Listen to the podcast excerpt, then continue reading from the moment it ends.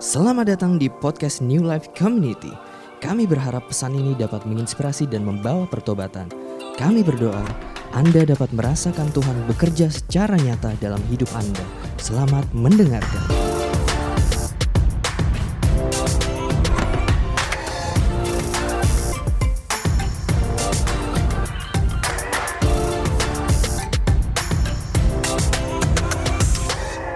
Still, December is a good month. And bulan ini kita bakal belajar hal-hal baru.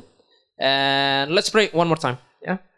Tuhan, thank you Tuhan atas berkatmu pada hari ini. Kami sekali lagi bersyukur kalau kami bisa berkumpul bersama di tempat ini Tuhan. Bapak kami berdoa Tuhan supaya Engkau yang berbicara dan Engkau yang beracara di tempat ini. Biar firman-Mu itu bisa sampai ke dalam setiap dari hati kami Tuhan. Bisa tertanam di hati kami dan tumbuh dan buahnya bisa dinikmati banyak orang. Hambamu terbatas, tapi engkau adalah Allah yang tidak terbatas. Biar engkau yang terus berbicara Tuhan. Dan setiap anak-anak di tempat ini, setiap orang di tempat ini siap mendengarkan firman Dalam nama Tuhan Yesus, kami ucap syukur. Haleluya. Amin.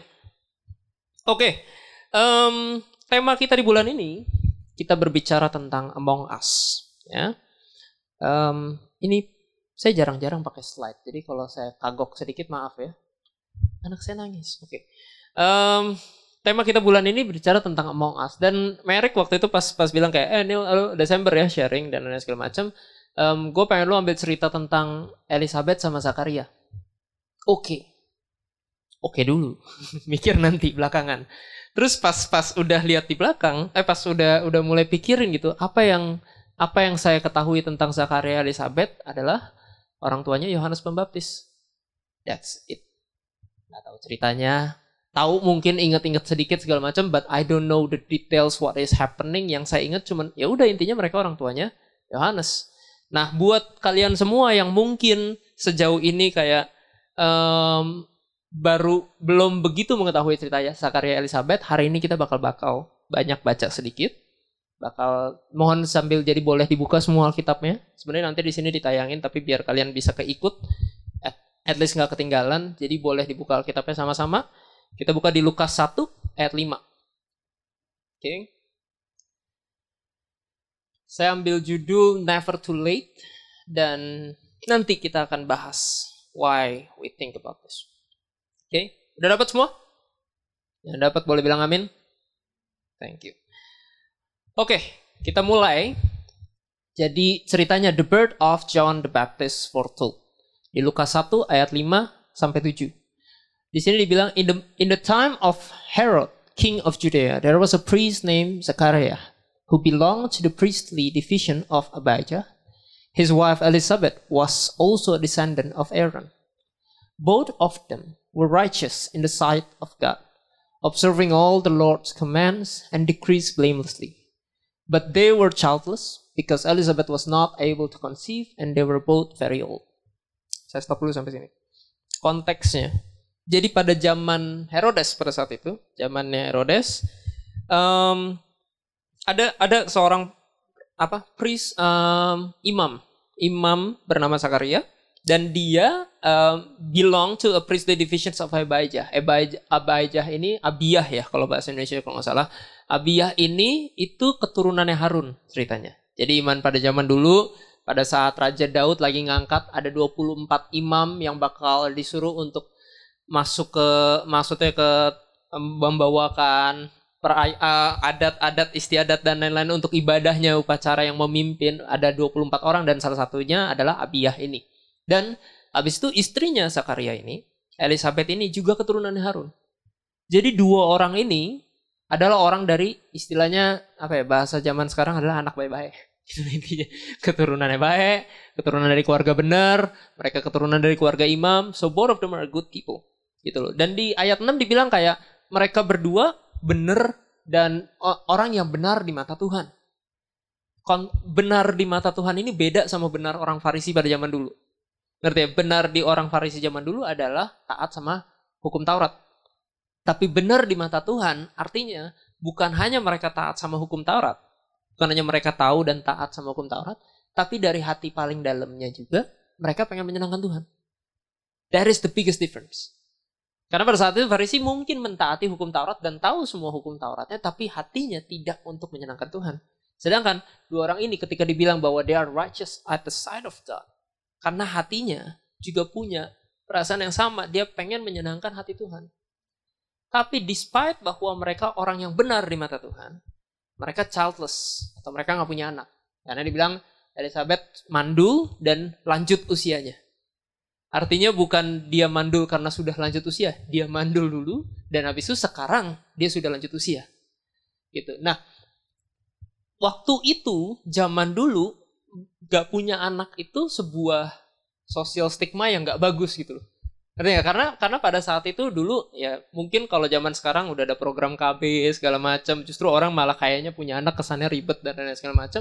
Jadi malah berkurang kalau zaman dulu punya makin banyak anak banyak rezeki logika yang berjalan masih seperti itu gitu. Dan pada saat itu pemikirannya adalah oke okay, makin gue punya banyak anak makin banyak yang support gue di hari tua gue jadi kalau mereka menikah dan tidak punya anak ya udah istilahnya cuma berdua ya berdua aja tuh sampai mati. Habis itu garis keturunannya putus sampai sana. Tapi kalau punya anak ada yang melanjutkan. Jadi pemikiran pada zaman dulu masih sangat-sangat seperti itu. Jadi ketika mereka nggak punya anak kesannya there is something wrong with you. Dan itu yang dihadapin sama Zakaria Elizabeth di pandangan orang-orang. Kita lanjut ya. Nah, di Lukas 1 ayat 8 sampai 12. Once when Zachariah division, division was on duty and he was serving as a priest before God, he was chosen by Lot according to the custom of the priesthood to go into the temple of the Lord and burn incense. And when the time for the burning of incense came, all the assembled worshippers were praying outside. Then an angel of the Lord appeared to him standing at the right side of the altar of incense. When Zechariah saw him, he was startled and was gripped with fear. Lanjut ya 13. Sorry ya kalau nggak gitu kelihatan, makanya sambil baca ya nanti. But the angel said to him, Do not be afraid, Zechariah. Your prayer has been heard. Your wife Elizabeth will bear you a son, and you are to call him John.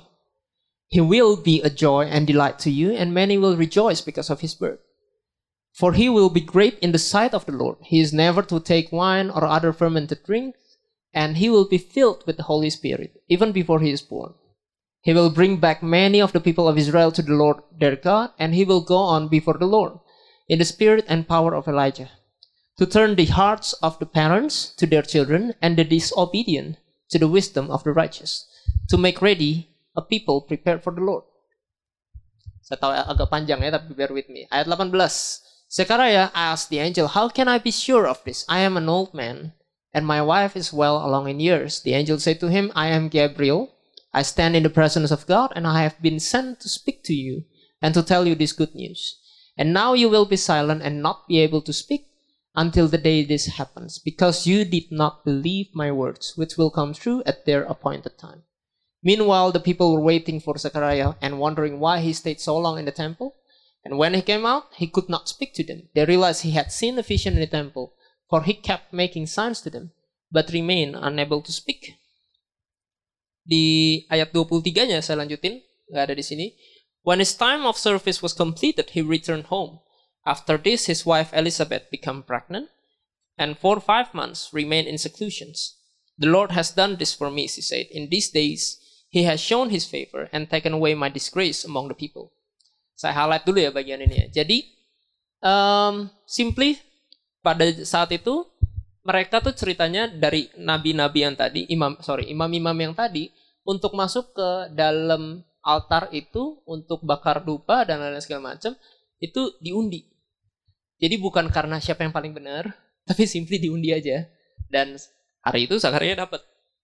Jadi dia masuk, dia melakukan upacaranya, and then dia ngelihat malaikat Tuhan Gabriel ya dia tapi dia nggak tahu itu Gabriel dan lain-lain dia cuma tahu pokoknya ada someone di sana. That person is talking to him. Di dalam altar itu there is gak seharusnya tidak ada orang lain lagi. So he's alone. Jadi dan terakhir dalam perjanjian lama penampakan Alkitab pada perjanjian lama itu terakhir ada di kitab Daniel. Jadi it's been hundreds of years. Ada seseorang yang encounter sama malaikat lagi physically encounter, ketemu semua orang. So, waktu dia pertama kali lihat, dia kaget dan takut, wajar nggak? Itu hal-hal yang lumrah terjadi. And then next dibilang kayak, hey, lu nggak usah takut, it's okay. Your prayer has been heard. Doa kamu sudah didengar dan Elizabeth um, di dalam terjemahan lain ditulis ada n di tengah-tengahnya. Your prayer has been heard and your wife Elizabeth dan, dan istri kamu akan mengandung seorang anak dan kamu akan memanggil anak itu memberi nama anak itu Yohanes. Gitu. Dan dijelasin bahwa anaknya kamu bakal kayak gimana, gimana, gimana, segala macam. He will become great and so on. Dan dia bilang kayak, how can I be sure about this? I think it's simple reflex, bener kan? Karena saya udah tua, istri saya mandul, dan kita berdua sudah lanjut usia. How can I be sure that this will thing will happen to me? And Gabriel bilang kayak, oke, okay, uh, this thing will happen to you. Gue nama gue Gabriel, gue malaikat utusan Allah dan lain segala macam. This thing will happen to you. And karena lu nggak percaya, oke, okay, dia di bukan dikutuk ya, tapi saat itu dia menjadi bisu dan dia sebenarnya dia menjadi bisu dan tuli. Dan dibilang bahwa nanti sampai nanti kejadiannya. Sampai waktu yang ditentukan. Dan jadi dia keluar, dia keluar dari ruangan itu dan dia orang-orang pada bingung kok lama banget pas keluar-keluar bisu lagi. Wah, ini pasti ada ada something nih di dalam gitu loh. Karena dia cuma ya udah dia cuma bisa pakai bahasa isyarat karena gitu loh segala macam. Dan akhirnya dia pulang dan benar uh, istrinya hamil habis itu Elizabeth hamil selama lima bulan Elizabeth tuh nggak keluar rumah. Gitu. jadi pertama ini adalah highlight cerita tentang Zakaria Elizabeth yang mereka dikasih tahu tentang. Mereka akan punya anak Yohanes Pembaptis.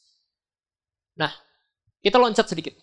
Di ayat 26 sebenarnya diceritain tentang ayat 26 sampai astaga mata gue seliwer. Oke, ayat 26 sampai 38 itu diceritain tentang malaikat datang ke Maria. Jadi itu akan kita simpan di minggu lainnya. Oke, kita loncat ke ayat 39.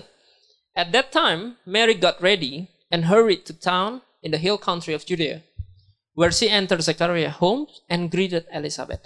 When Elizabeth heard Mary's greeting, the baby leaped in her womb and Elizabeth was filled with the Holy Spirit. In a, light, in, in a loud voice, she exclaimed, Blessed are you among women, and blessed is the child you will bear. But why am I so favored that the mother of my Lord should come to me? As soon as the sound of your greeting reached my ears, the baby in my womb leaped for joy. Blessed is she who has believed that the Lord will fulfill his promise to her. Nah, cerita tentang Zakaria dan Elizabeth ini sampai di ayat 80 sebenarnya. Tapi tenang, saya nggak bacain karena habis nanti satu setengah jam buat bahas ini doang. Gitu. Cuman uh, di sini diceritain tentang Maria habis dikasih tahu sama malaikat. Singkat ceritanya, Maria habis dikasih tahu sama malaikat. Uh, Maria juga sama kayak, hei, kamu akan mengandung anak laki-laki. Dan Maria punya pertanyaan sama, how can it be? Saya nggak punya physical intimacy sama seseorang. Gimana cara saya bisa hamil? Gitu loh. Dan malaikat itu menjelaskan, dengan baik, dengan lugas, dengan logis bahwa tenang, Roh Kudus akan lahirin. That totally doesn't make sense gitu. Tapi dia bilang kayak gini, hey, uh, tenang aja Tuhan yang akan uh, Roh Kudus yang akan lu bakal punya anak dari Roh Kudus dan lain segala macam. And FYI, Elizabeth, saudara lu, jadi Elizabeth itu adalah relatifnya Mary. Elizabeth, saudara lu, lagi pregnant juga. Itu Elizabeth yang yes, yang barren, yang mandu, dan lanjut usianya, itu sedang hamil. Jadi Abis Maria dengar itu, alright. Oke, okay. karena gue juga hamba Tuhan, terjadilah padaku sesuai kehendakmu. Dan abis itu Maria di sini yang dimulai tadi ayat 39. At that time dia langsung buru-buru get ready and dia travel ke Elizabeth.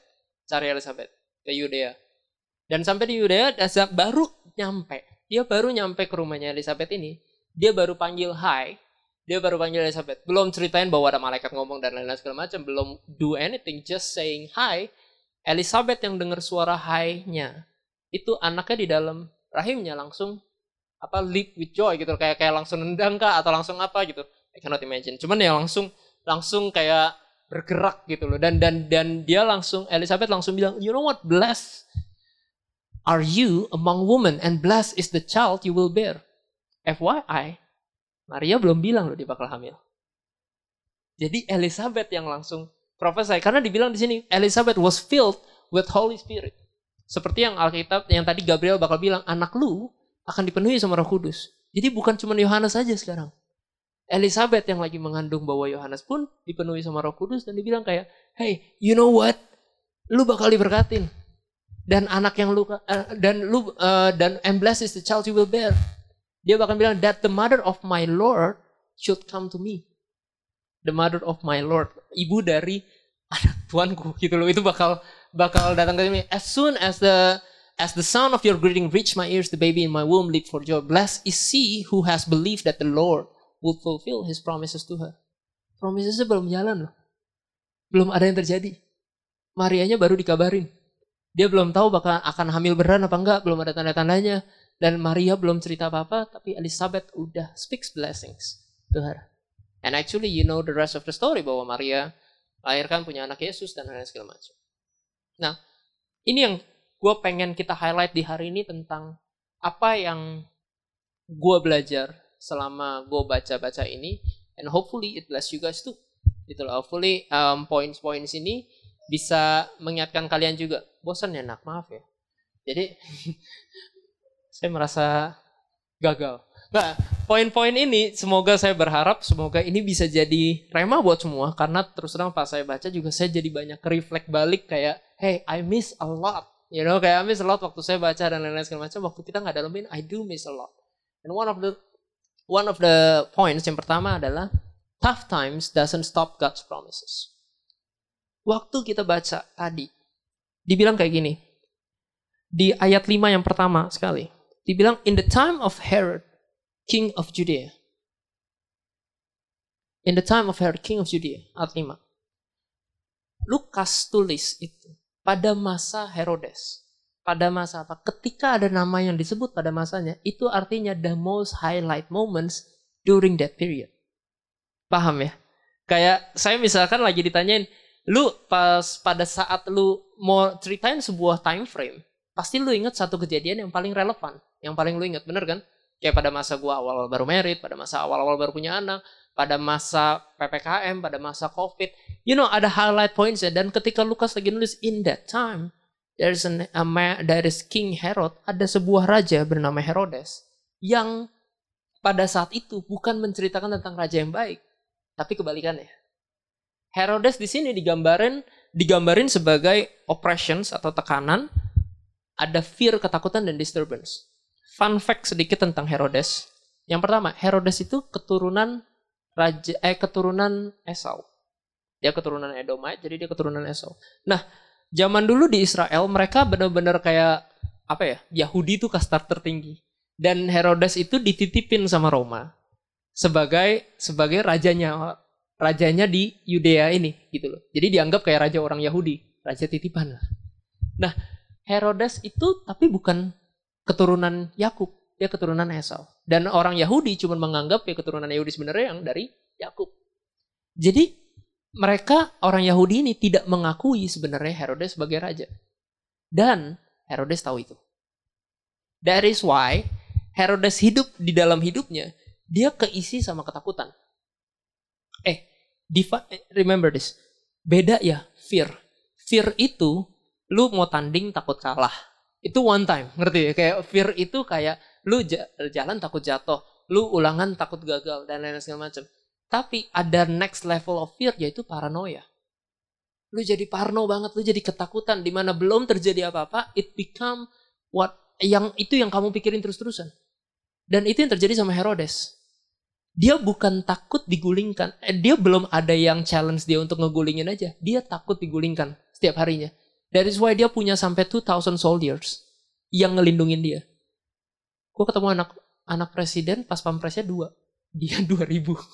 gitu loh kayak that's the comparison itu dia punya 2000 pasukan yang ngelindungin dia saking takut digulinginnya dan dan karena paranoia itu karena super ketakutan gitu jadi setiap kali ada hinting bahwa dia akan diserang dia udah carry off dulu dia udah take action dulu dia kill hundreds of innocent people Salah satunya, eh beberapa di antaranya adalah tiga anak kandungnya, dua iparnya, satu mertuanya, satu istrinya. Dia punya istri sepuluh, salah satunya istri yang paling dikasihin dibunuh juga. Why? Because of the paranoia bahwa dia akan di take over. Karena dia tahu, oh gue gak diakuin sebagai raja. Gue bukan raja asli orang Yahudi dan lain-lain. Dan saking ketakutannya, dia sampai seperti itu. Bahkan di akhir harinya diceritain bahwa dia tahu kalau gue mati nggak akan ada yang bersedih. Bahkan umat Yahudi akan bersuka cita karena gue mati. Jadi gue bawa petinggi-petinggi umat Yahudi mau dibawa terus mau dibunuh juga bareng-bareng sama dia. Biar sedihnya bareng. that kind of logic tuh gue don't get it but it's true because of the paranoia dia have different kind of thinking hey you need to define your fear today is it a fear atau jangan-jangan itu udah jadi identity yang kita fear yang kita lakukan terus-terusan itu lama-lama bukan fear lagi Ngerti ya? Karena when you when you are beating fear waktu kamu takut sama suatu kali one activity ya, misalkan kayak kamu mau ujian, aduh, gue takut fail. Lu kerja lu kerja ada kerjain satu proyek besar dan lu takut proyek gagal that's one fear and then you pray and then you read the Bible you remember God's promise dan lain-lain segala macam and you feel it seems like you feel better Bener right? Kayak oke okay, kita bisa diingetin bahwa Tuhan pegang kendali dan lain segala macam. But when we are talking about daily fears, yang tanpa sadar sudah masuk dalam kamu dan kamu takutin dan kamu cuma mau lawan dengan sekali-sekali baca Alkitab, nggak mempan bos. Nggak bakal mempan. That's why you need to know your own fear. You need to know your own um, paranoia. Ada nggak yang kita lagi takutin tanpa sadar kita skip? Dan kita berharap cuma dengan satu kali baca Alkitab, satu kali ke gereja, dengar khotbah dan lain-lain bisa menyembuhkan itu semua. No, it needs more habit. Butuh habits untuk benerin itu. Jadi pada zaman itu, no, dengan lu di negara yang dipimpin sama raja yang super ketakutan, apakah negaranya akan nyaman? I don't think so. Apakah tempat itu akan nyaman dan penuh sejahtera dan lain segala macam? No, karena dari apa yang dimulai dipimpin dari itu dimulai dengan ketakutan. Jadi fear juga yang diterusin ke orang-orang. It's like a management di dalam dunia pekerjaan same thing. Kamu nggak pengen gimana-gimana. Kadang-kadang sering kan ketika lu jadi manajer di tengah-tengah atau jadi orang yang di tengah, paling gampang adalah apa? Bos ngomel ke saya. Omelan itu saya forward ke bawahan saya. Bawahan saya nggak ngerti. Bawahan saya akan forward lagi ke bawahnya, ke bawahnya, ke bawahnya. Itu transfer gitu loh. Nah sama, ketika sebuah negara dipimpin oleh raja yang menakut-takutan, that fear itu ditransfer ke negaranya. Ditransfer dalam leadershipnya. So it is not a good time for them. Bangsa Israel pada saat itu. Dan yang kedua, bukan hanya ini Herodes ini adalah outer conditions ya. Artinya situasi di luar sana. Tapi situasi di dalam ya, Zakaria sama Elizabeth juga facing old age. Dia facing di mana mereka sudah tua sekarang. Beda waktu kamu muda, kamu bisa berpikir kayak I'm 31, I'm young, I think. I am young and I still have many years before me. Di depan-depan saya masih banyak plans yang bisa saya kerjakan. But when you grow older, makin lama makin sedikit yang kamu expect. Dengan makin lama makin sedikit yang kamu harapkan terjadi, makin lama makin sedikit. Akhirnya stances yang saya mau hidup saya seperti ini, robust, full of life dan lain-lain segala macam berubah menjadi saya cuma jalanin hari-hari saya. Zakaria bukan datang dengan penuh excitement dan lain-lain segala macam. Oh, God will do something today. No, he is just doing his daily duties. Hari itu dia lagi datang dengan melanjutkan keadaan aja. And maybe in that prayers, nanti akan dijelasin belakang bahwa in that prayers bahwa Mungkin doa tentang anak itu bahkan juga bukan doa yang udah dia doain tiap hari. It might be a prayer yang udah long forgotten. Masih bosan ya nak? Saya rasa saya udah asik loh. Jadi kayak maybe itu doa yang udah dilewatin beberapa lama yang lalu. It's because it didn't happen. Istri saya mandul, sekarang apalagi saya udah lanjut usia, that's double portion. It's not easy. Jadi dan dan biasanya waktu apa yang kayak waktu saya ingat kata old age ini, apa yang attach sama feeling tentang sebuah old age? Yang pertama adalah ada lack of vigor, ada ya hilangnya semangat, hidup monoton dan lain-lain terus-terusan. Dan kedua adalah limited bahwa memang terbatas sekarang.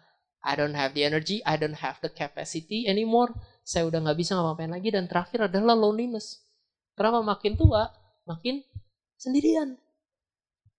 Zakaria sama Elizabeth dihantui dengan perasaan itu bahwa dengan tidak punya anak mereka akan sendirian sampai akhir hari. Jadi bukan hanya di luar, keadaan di luar yang sulit, tapi keadaan dalam diri mereka juga sulit. Tapi God's promise proven tetap jalan. Bener ya? No matter what situations you are in, kamu lagi in tough times. No matter what kind of situations yang kita sekarang lagi hadapin, promise Tuhan tetap jalan. And I believe this will happen to all of us juga. Gitu loh. Ada yang mungkin saya lagi kesusahan karena pekerjaan saya. Saya lagi kesusahan karena kesehatan saya. Karena keadaan keluarga saya, keadaan finansial. Hey, gimana saya bisa berharap berkatin orang lain tuh? Guys, kalau keluarga gue aja masih ngutang dan gue masih tanggung ngutang ya. Gimana caranya gue bisa pergi dengan lain-lain dan semua keterbatasan saya dan lain segala macam. Hey, you know what? Bahkan kayak simple aja, eh gimana caranya gue datang ke rumah orang, berkatin orang, lagi covid, PPKM nggak bisa. You know, as simple as that, tough times itu pasti ada. Tapi yang yang kita belajar untuk percaya melalui cerita ini adalah buktinya, even di kala yang nggak mungkin, yang susah, Tuhan tetap stay. Dan Tuhan tetap berbicara sama mereka. Sama Tuhan juga akan tetap berbicara sama kita. Oke? Okay? Next. It's always Poin kedua adalah it's always about the kingdom of God. Di sini ayat 63 nggak apa-apa saya bacain aja, tapi kalau kalian mau terus baca lihat ke bawah boleh. Di ayat 63 dibilang gini, He asked for a writing tablet, and to everyone's astonishment, he wrote, His name is John. Immediately his mouth was open, and his tongue set free, and he began to speak, praising God. All the neighbors were filled with awe, and throughout the hill country of Judea, people were talking about all these things. Everyone who heard this wonder about it, asking, What then is this child going to be? For the Lord's hand was with him. This uh, ayat 67, his father Zechariah was filled with the Holy Spirit and prophesied, Praise be the Lord, the God of Israel, because he has come to his people and redeemed them. He has raised up a horn of salvation for us in the house of his servant David. Jadi di ayat mulai ayat ke nanti kalian bisa baca mulai ayat ke-57 ceritanya Elizabeth sudah melahirkan. Udah keluar nih anaknya Yohanes. Tapi kan belum dikasih nama. Ya. Nah, lucunya tetangga-tetangganya super happy nih. Wah, oke okay, Elizabeth udah lahir punya anak. Oke okay, oke, okay. berarti Tuhan udah kasih great mercy buat keluarga lu ya. Oke. Okay. Terus di hari ke-8 ceritanya berdasarkan tradisi mereka, anaknya mau di circumcise, mau disunat gitu loh. Dan ceritanya mereka mau dikasih nama. Anak itu baru dikasih nama setelah circumcise. Dan they were going, di sini tulisnya they, they were going to name him after his father Zechariah. Gue gak ngerti kenapa tetangga-tetangganya mau kasih nama. Cuman intinya orang-orang di luar sana itu mau kasih nama buat anaknya Zakaria Elizabeth ini. Kasih namanya Zakaria aja. Terus Elizabeth bilang, no, my son namanya bakal Yohanes. Terus tetangga bilang, kenapa lu mau kasih nama Yohanes? Gak ada di keluarga lu yang namanya Yohanes it is common buat mereka terusin nama orang tuanya atau lanjutannya gitu loh atau siapa pun keturunan keluarganya. Jadi mereka bilang udah kasih nama Zakaria aja. Terus mereka tanya ke bapaknya ceritanya. Eh, lu mau kasih nama apa? Gitu. Gue gak ngerti kenapa gue bikin sign ini. Gue juga gak ngerti sign language. Cuman intinya kayak kayak dia tanya ke Zakaria, lu mau kasih nama anak lu apa? Dan Zakaria ambil writing tablets dan dia bilang his name is John. Setelah dia tulis his name is John, baru dia bisa ngomong. Baru he can speak baru Tuhan bebasin bahwa dia sekarang bisa ngomong, bisa dengar. And the first note, waktu dia bisa ngomong, he is praising God. This is the funny part. I imagine saya membayangkan posisi saya di Sakaria. If my prayer is about having a son, and then I have a son, dan during having during the period nungguin anak saya keluar berarti 9 bulan tadi, saya lagi bisu dan terakhir begitu anak saya keluar, saya bisa ngomong, kemungkinan besar 99% I guess buat saya pribadi yang akan saya praise adalah oh thank you. Saya udah bisa ngomong dan lain segala macam. And next saya thank you Tuhan saya punya anak dan lain segala macam. Doa saya terjawab dan lain-lain segala macam. That's my logic ya. Karena itu yang saya doakan. Ya kan saya doa punya anak dapat anak dan saya akan bersyukur karena saya punya anak. Tapi lucunya waktu Zakaria dipenuhi sama Roh Kudus lagi. Jadi bukan gara bukan cuman Yohanes, bukan cuman maknya, tapi sekarang Zakaria dipenuhi sama Roh Kudus. Waktu Zakaria dipenuhi sama Roh Kudus, kalimat pertamanya adalah praise be the Lord for the God of Israel because he has come to his people and redeemed them. Dia lagi bersyukur bahwa Mesias, bahwa Tuhan Yesus akan datang ke dunia ini, sudah datang ke dunia ini, dan akan menyelamatkan kita semua. This is something that I overlook karena pas saya baca cerita tentang Zakaria tadi dibilang sama Gabriel, "Hey, doa kamu terjawab." Yang saya baca berikutnya, oh dia lagi doain tentang anak. Padahal setiap priest, setiap imam yang datang ke altar, they all, all of them have one prayer. Jadi mereka bukan datang ke khotbah, eh ke panggung gitu, abis itu kayak doa masing-masing ya, doa terserah lu Tuhan, saya mau ada ujian hari ini, bukan gitu. They all have one task dan doa mereka semuanya adalah tentang pembebasan Israel. Supaya Mesias datang membebaskan mereka. And it is what they are praying for. It is what they are praying for. Di um, mana? Wait. Di sini dibilang Di, do not be afraid your prayer has been heard dan di terjemahan lain ditulis adalah and your wife Elizabeth will bear you son. Artinya doanya ada dua. Dia bukan hanya berdoa tentang anak yang dulu dia pernah doakan, tapi dia juga mendoakan untuk, hey, negara ini Israel orang-orang butuh Mesias, orang-orang butuh Tuhan. And God answered that. Hey, you know what? Oftentimes I pray for myself more often than I pray for you guys. Sorry, gue terlalu jujur. Tapi tapi that's the truth. Ya kan kayak I pray about me, I pray about what I want, I pray about what I need. Tapi pas di sini dibalik, if you understand God's will, you understand bahwa itu bukan yang paling utama. Yang paling utama ada yang lebih gede daripada itu. That's why Zakaria begitu dia ngerti, begitu dia dipenuhi Roh Kudus, ketika dia bisa bebas berbicara, he can say anything he want. Dia punya otoritas say anything want. The first thing yang dia mention adalah thank God karena Mesiah udah datang. Because that is the most important part. Oftentimes kita cuma pengen doa untuk ourselves, ya kan? Untuk kita dijaga, untuk kita diberkati. And waktu kita terima good news ya, waktu kita diberkati, simpannya buat siapa? Buat saya Ya kan? Kan saya doa, saya butuh berkatnya. Terus saya dapat berkatnya, sudah itu buat saya lagi. Padahal there are far bigger things daripada sekedar ini aja. Harusnya the good news about gospels, about kasih Tuhan itu bukan cuma buat saya sama kamu loh. Bener kan? Itu buat orang-orang di luar sana yang perlu itu. Buat lebih banyak orang lagi di luar sana yang mereka mereka butuh untuk dengar kasihnya Tuhan. But sometimes we stopping sampai ke Tuhan berkati saya ya di pekerjaan Tuhan berkati saya untuk supaya saya naik gaji and that's it. Waktu naik gaji, apakah you do more? I don't.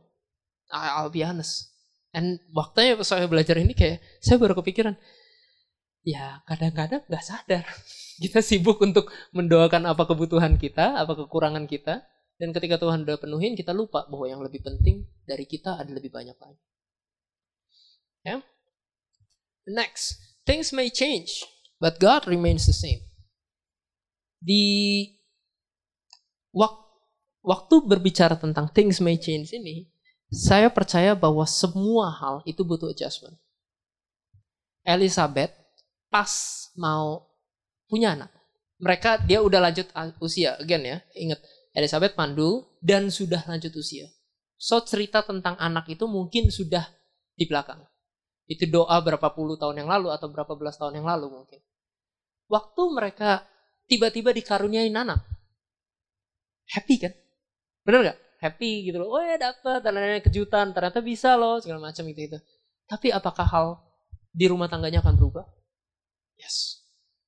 When I say things about to change, saya nggak berbicara tentang bahwa kamu cuman kejadian yang buruk doang loh. Tapi kejadian yang baik pun akan merubah hidup kamu. Waktu saya dari relationship, dari pacaran ke menikah, happy nggak? Happy occasion nggak?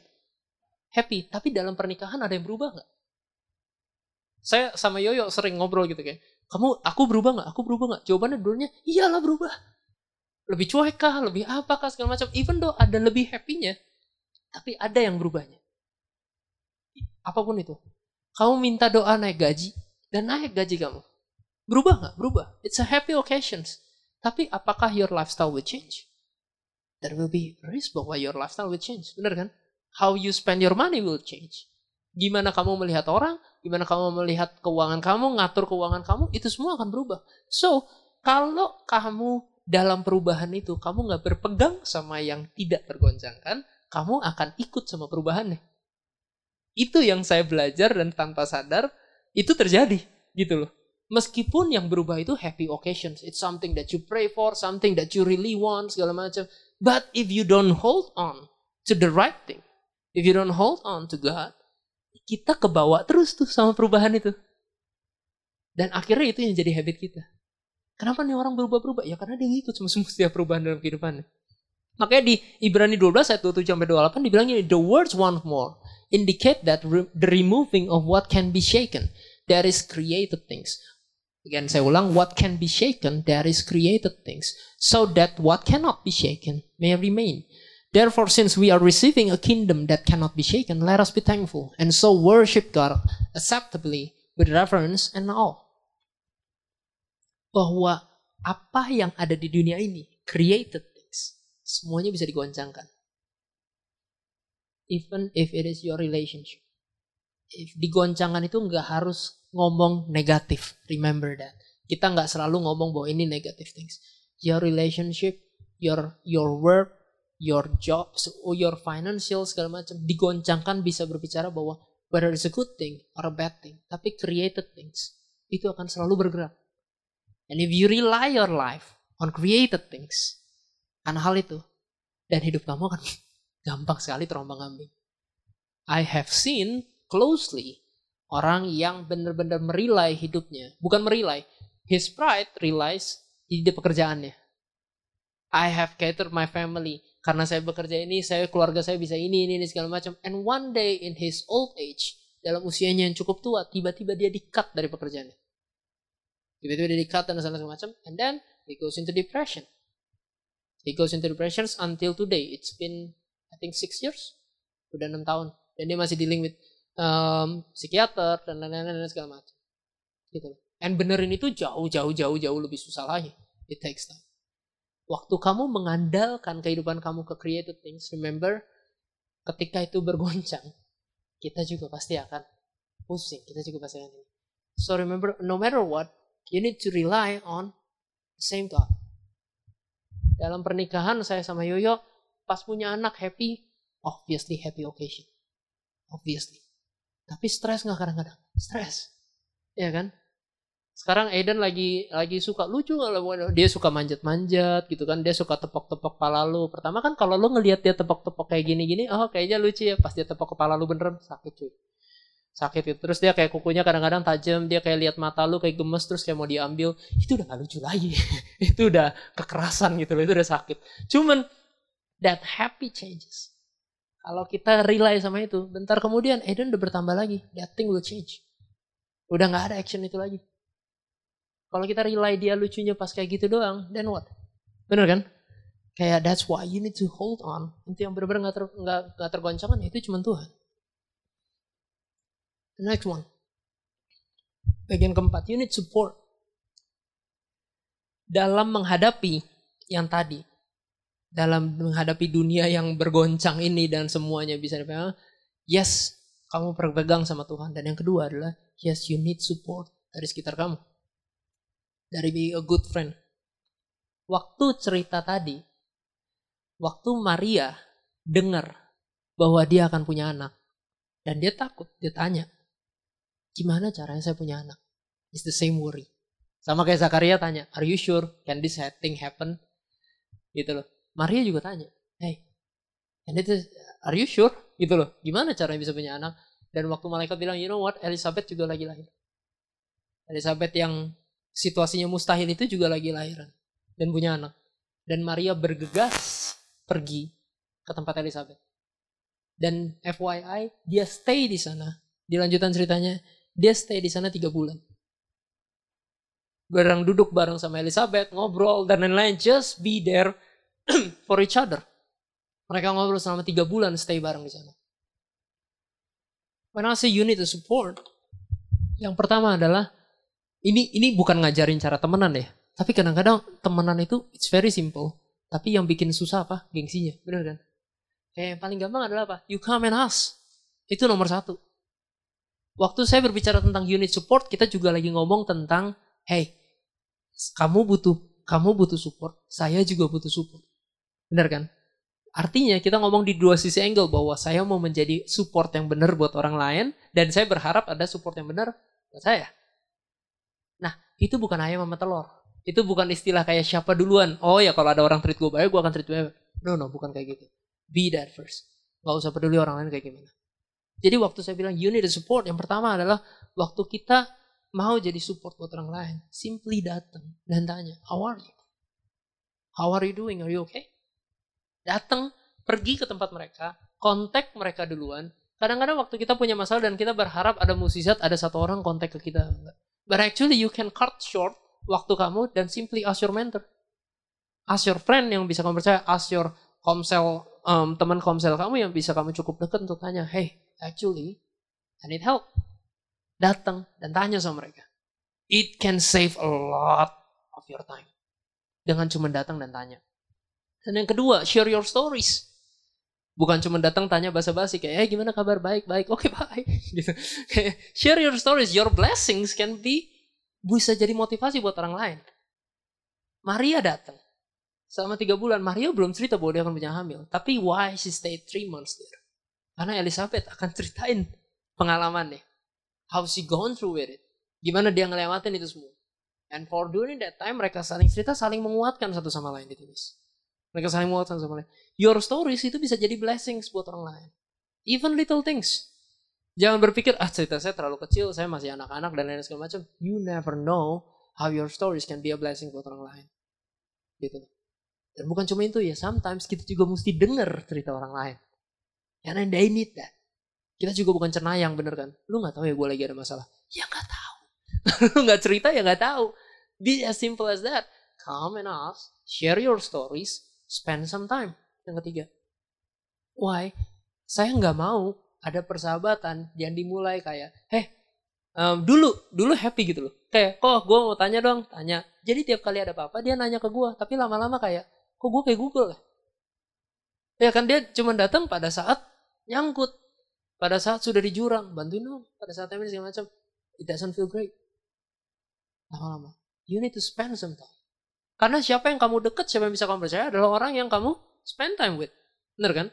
Jelas di antara semuanya saya paling spend time paling banyak bersama istri saya, berarti istri saya yang paling saya deket. Tapi untuk teman dan lain segala macam, you cannot spend the same amount of time ke semua orang di sini pasti enggak.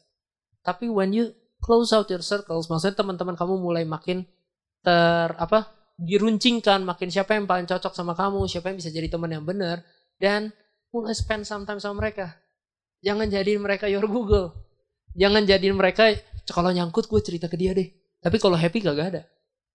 Ya kan? Kalau be that friend yang benar-benar kayak, you know what, spend time. Even if it is a stupid time.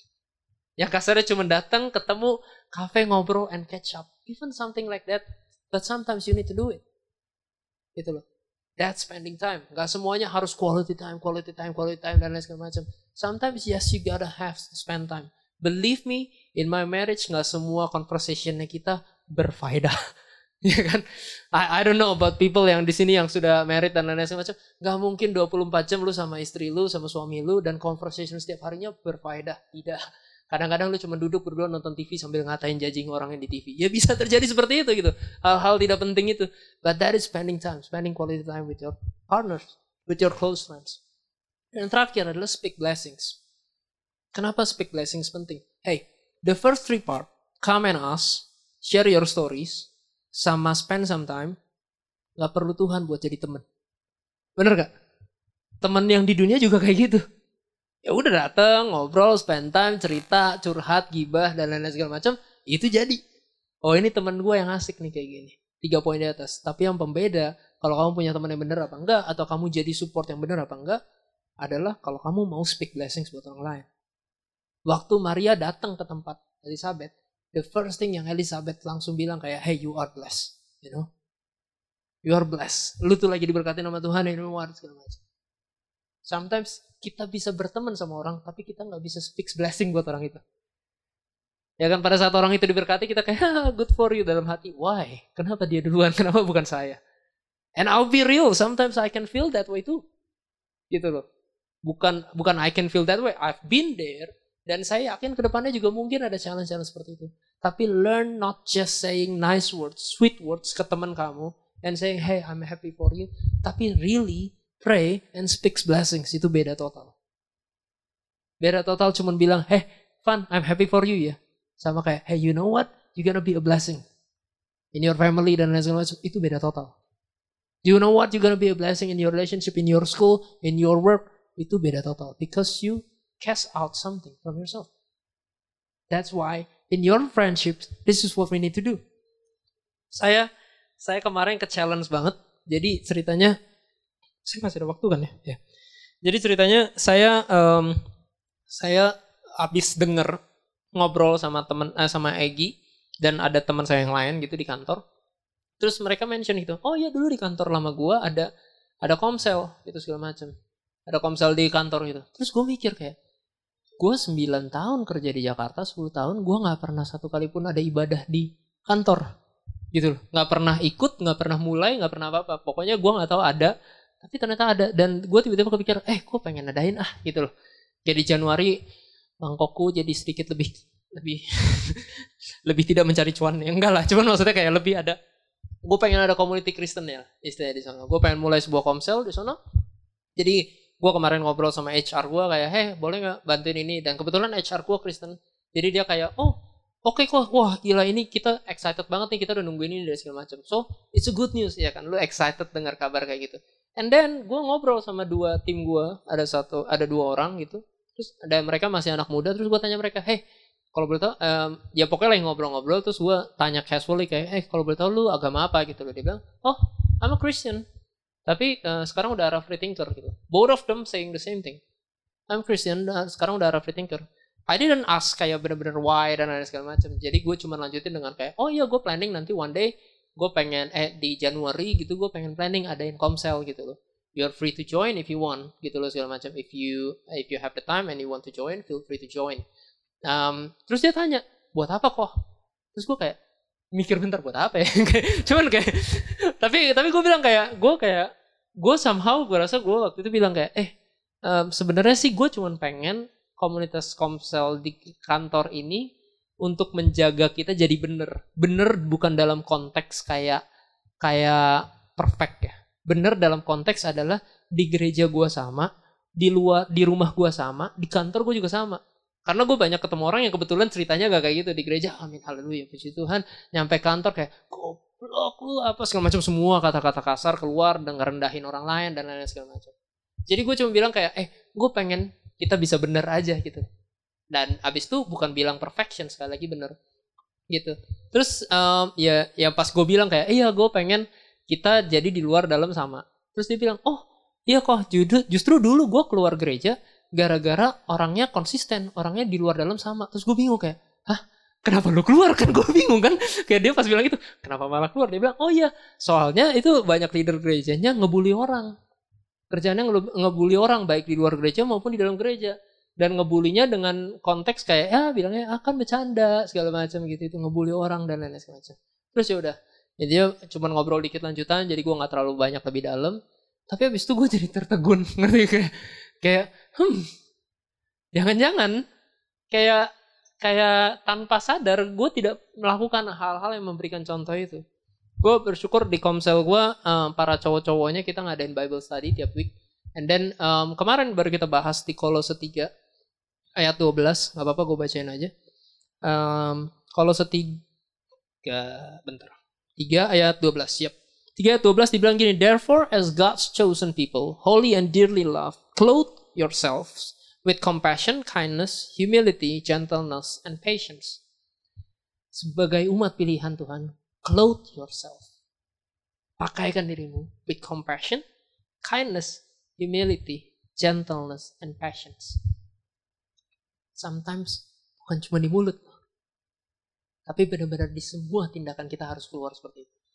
Waktu waktu di sini ditulis clothe yourself, clothe yourself itu kan artinya lu pakai pakaian gitu kan.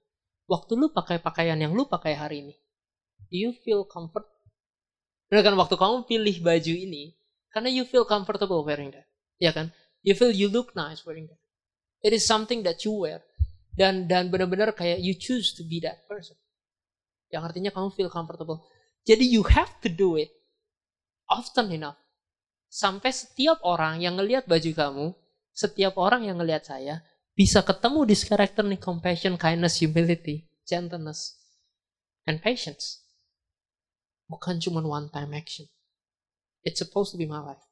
Kalau saya mau bawa perubahan, baik di kantor saya, bukan dengan ngadain program komsel. Program komselnya bisa jalan. Tapi lebih penting daripada itu semua adalah di hari-hari saya, saya nunjukin sebagai pemimpin, saya bisa kasih bukti bahwa, eh kalau kenal sama Tuhan, orang yang anak-anak Tuhan itu seperti ini. Orang-orang yang punya compassion, orang-orang yang bisa bersabar, orang-orang yang punya kemurahan hati, orang-orang yang rendah hati, yang lemah lembut, ya kan harusnya seperti itu. Not just kayak I'm a leader in church, ayo kita ngadain program ini, ini, ini, segala macam. But clothe yourself, artinya pakaikan benar-benar. And and it's a big, it's a big um, wake up call buat saya gitu loh pas saya dengar ini. Dan ini poin terakhir saya hari ini. Saya percaya ini satu kalimat yang mungkin seluruh juta orang sudah sering dengar. God simply loves you too much. Tapi I believe, I hope you can get my perspective dalam waktu saya ingat kata ini. Saya boleh panggil tim musik? Mungkin? Um, kenapa saya tiba-tiba kepikiran poin ini gitu? Ada di satu di satu ayat di mana? Di oh saya salah buka. Di Lukas tadi, di cerita Lukas tadi. Di ayat 8 kalau nggak salah sebentar. Sorry. Di ayat 14. Oke. Okay. Buka ya di ayat 14. Dibilang kayak gini. Waktu Gabriel kasih tahu Zakaria, "Hey, lu bakal punya anak." Ya. And then next times dia bilang, "He will be a joy and delight to you, and many will rejoice because of his birth." For he will be great in the sight of the Lord. He is never to take wine or other fermented drinks, and he will be filled with the Holy Spirit even before he was born. He is born. He will bring back many of the people of Israel to the Lord their God. And he will go on before the Lord in the spirit and power of Elijah, to turn the hearts of their parents to their children, and the disobedient to the wisdom of the righteous, to make ready a people prepared for the Lord. Waktu sekali lagi waktu saya baca ini dan saya posisiin diri saya sebagai Sakaria ya. Saya pengen punya anak. Saya pengen punya anak dan lain-lain segala macam. And one day there is a good news coming to me and say you have a kid. You will have a kid. And anggap good news itu benar-benar confirm gitu. You will have a kid. I don't think I will care what he will become into. To be honest. I don't think I will, uh, saya nggak perlu kalimat-kalimat lanjutannya bahwa anak itu bakal jadi hebat, dia bakal jadi ini, ini segala macam, segala nubuatan profesi. That makes me feel better. Yes. Kalau tahu bahwa anak lu bakal jadi hebat dan segala macam. But you know what? If I pray for a kid, I don't even care if these things happen or not. You just happy you have one. You simply just happy you have one. Buat saya, Aiden perfect. Buat saya, gua nggak peduli orang lain ngomong apa. Buat saya Aiden perfect. Bukan perfect in his actions. Bukan perfect bahwa apa segala macam.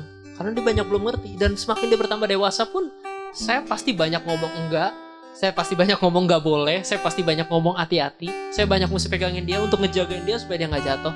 But in my eyes, he is perfect. Ada teman saya lihat kayak, eh, lihat dong foto anak lu segala macam. Terus gue kasih lihat. Terus kalimat pertama dia, eh, kok anak lu ada ininya ya? Kan gue gebok tuh orang. Gila loh. Terus dia, terkebetulan anaknya seumur saya gitu. Terkebetulan anak seumur saya. Gue bilang, eh, lihat dong foto anak lu. Pengen gue balas nih. Enggak lah, cuman cuman nggak jadi dia kasih lihat kayak oh iya ya lucu ya lucu lucu lucu eh pengen gue colok matanya cuman cuman you know what buat saya ketika orang lain bilang itu wow gue boleh sama Yoyo itu kan bercandain anak gue boleh itu anak gue but you know no, no other parents can do that nggak lah dia partner gue and we are good friends cuman cuman kayak waktu waktu buat saya yang paling penting waktu saya baca ini I don't think I will care bahwa anak saya benar-benar jadi orang paling hebat, top of the country or not. Bahwa dia jadi orang yang paling kaya apa enggak. Terus saya lihat dia, for me he's perfect. Not again, not because perfect in his ways atau his actions. But because he is perfect, he is perfect his mind. Anda punya saya. Mau dia gede berhasil apa gagal? Mau dia gede kaya atau miskin? Mau dia gede seperti apa? Gak akan merubah status bahwa dia anak saya Bener kan? Saya kesel, saya bisa aja announce kayak, eh bukan, dia bukan anak gue lagi. Tapi nggak ada yang bisa merubah darah bahwa dia tetap anak saya. Gak ada yang bisa merubah itu. Gak ada yang bisa merubah bahwa dia akan peduli sama dia. Orang-orang bilang kayak, tenang Nil, ini masa-masa cute, 7 tahun lu gak bakal ngelihat dia cute lagi. I don't care. 7 tahun nanti baru begitu dia udah gede, itu urusan nanti. But for now, he's perfect. I know I will get angry with him. I will, I, will take care of him sampai kayak gimana. Tapi that is how how I see him bahwa dia tuh perfect and I believe Yoyo is thinking the same thing kalau parents di dunia kalau seorang ayah kayak saya yang full of flaws yang punya banyak kegagalan dan salah, yang punya banyak kelemahan aja, mikir kayak gitu tentang anaknya, apalagi bapak lo yang di surga. Can you think that way? Kalau orang kayak saya aja yang punya sebegitu banyak cacat, yang belum tentu saya bisa ceritain ke semua orang. Hey, kalau saya aja bisa ngelihat anak saya kayak gitu, apalagi bapak lo yang di surga. Ngelihat kita. So if there is one people who told you, hey you are not worth it, lu nggak worthy, ah lu anaknya kayak gini, lu anak kayak gitu, you know what? God didn't think that way. In fact dia akan seperti kayak saya. Kayak you know what? Gue gevok lu, ini anak-anak gue. I'll take care of him in my own way. Kalau saya perlu tegur, saya akan tegur dia. Remember, we are perfect not because of our actions. We are perfect because we are His sons. As simple as that. That is your identity. That is my identity. So no matter what actions that will happen in the future, no matter what you will do, it doesn't change the fact that you are God's sons. And that is the most important part. That is the most important part. And that is why when Zakaria punya Yohanes, despite gedenya dia mau jadi apa? A son is still his son. It's just that as important. Tanpa titel tadi, tanpa status tadi, itu sudah cukup. I want us to remember, you don't have to be standing on this stage untuk Tuhan sayang sama kamu. You don't have to be leading something untuk di sebuah satu untuk Tuhan sayang sama kamu. Tuhan sayang kamu sama kamu, simply Tuhan sayang sama kamu. No matter what positions you're in. Tuhan sayang sama kamu. Oke? Okay? Terima kasih sudah mendengarkan podcast ini. Kami berdoa Anda diberkati melalui pesan yang telah disampaikan. Mari sapa kami melalui Instagram at New Life dan bagikan pesan ini supaya lebih banyak orang yang diberkati.